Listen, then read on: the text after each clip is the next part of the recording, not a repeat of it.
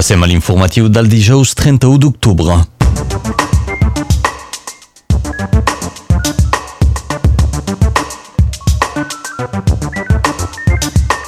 Cada dia es precisen més les candidatures per les eleccions municipals a Perpinyà. Avui en aquest informatiu tornarem a fer un punt sobre aquestes candidatures.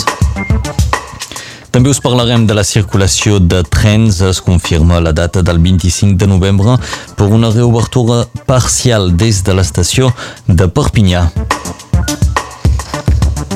Un cop d'ull també a l'actualitat sud-catalana que passa per aquesta assemblea de càrrecs electes que es va celebrar ahir al Palau de Congressos de Catalunya.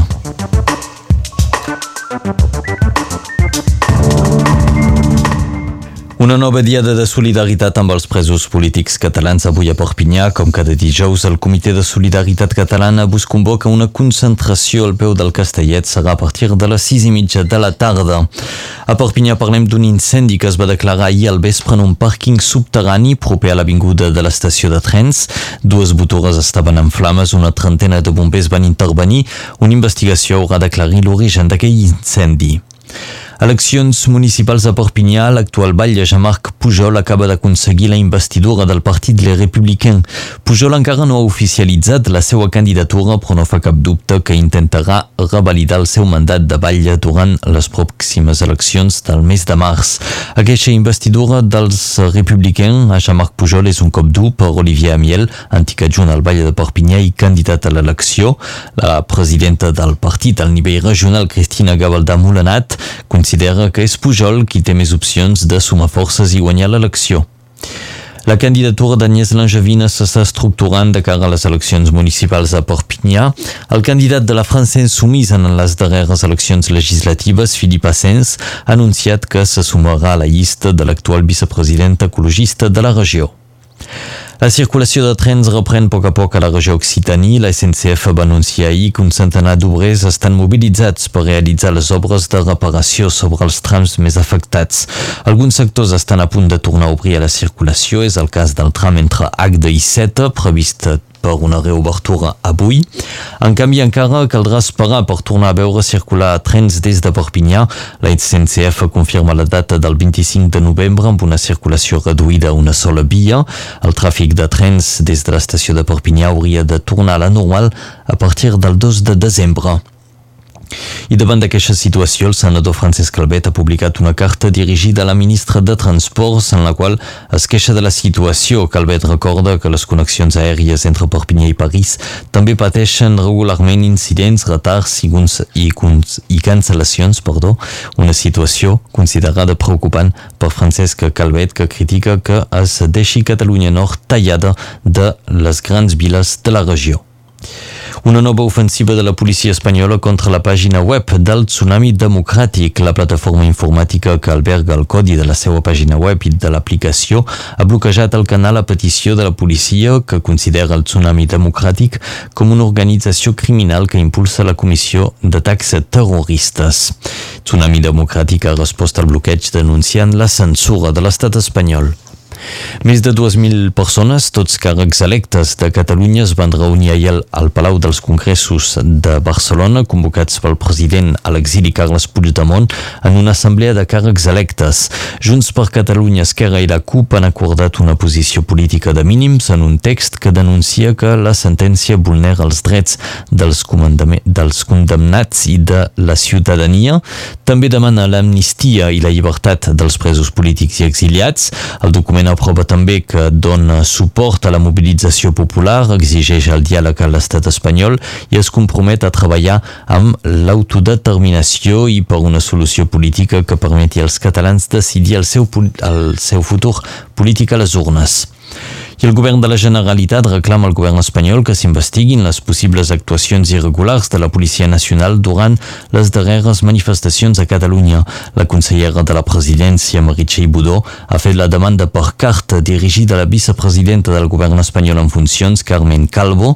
A la carta, Budó informa que el govern català ha demanat investigar diverses actuacions dels Mossos i reclama que es faci el mateix del govern, des del govern espanyol, que es treballi de manera coordinada per donar resposta resposta a la societat catalana.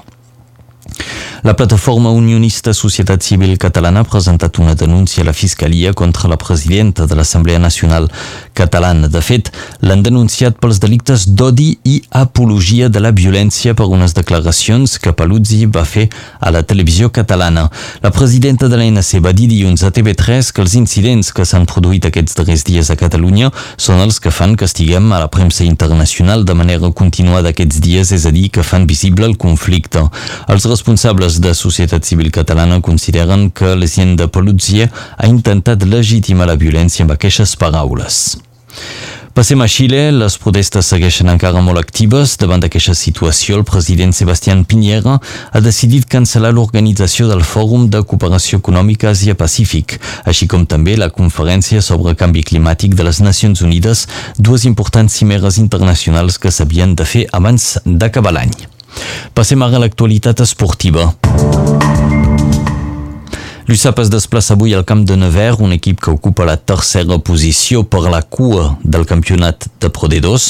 L'USAP és segon a 5 punts de Grenoble. El partit Nevers-USAP començarà a 20 hores 45.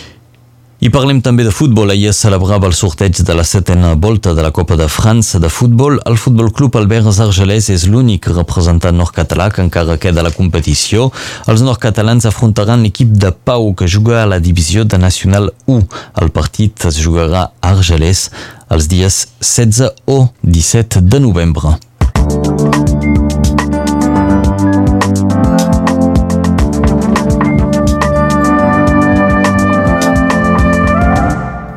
Informació ara mateix amb la previsió del temps.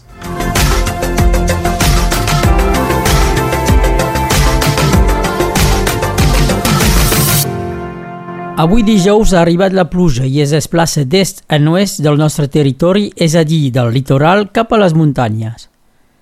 Al llarg del dia, probablement cap al mig de la tarda, apareixen clarianes.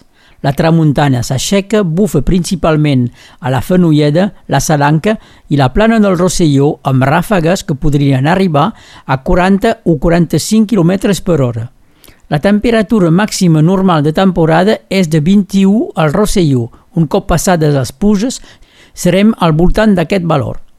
21 a Salelles i Argelès, 22 una mica més al nord a Clairà i a prop de la Teta Nefiac, 19 a Tellet, 18 a Corsaví, 17 a Orellà, 13 a Bolquera. Tenen 5 graus a Reykjavik, a Islàndia. El 31 d'octubre més calent registrat és el del 1989. Va fer 26,4 graus a Perpinyà. Al mateix lloc, a les 7 del matí del 31 d'octubre 1997 feia només 2,2 graus. El 1993 mort a Roma el director de cinema i guionista italià Federico Fellini. Avui és Sant Quintí. El darrer dia d'octubre és el dia tradicional de la castanyada. Quan l'octubre fa la fi, Tots Sants és el de matí. Tots Sants, lo primer, Sant Andreu, lo darrer.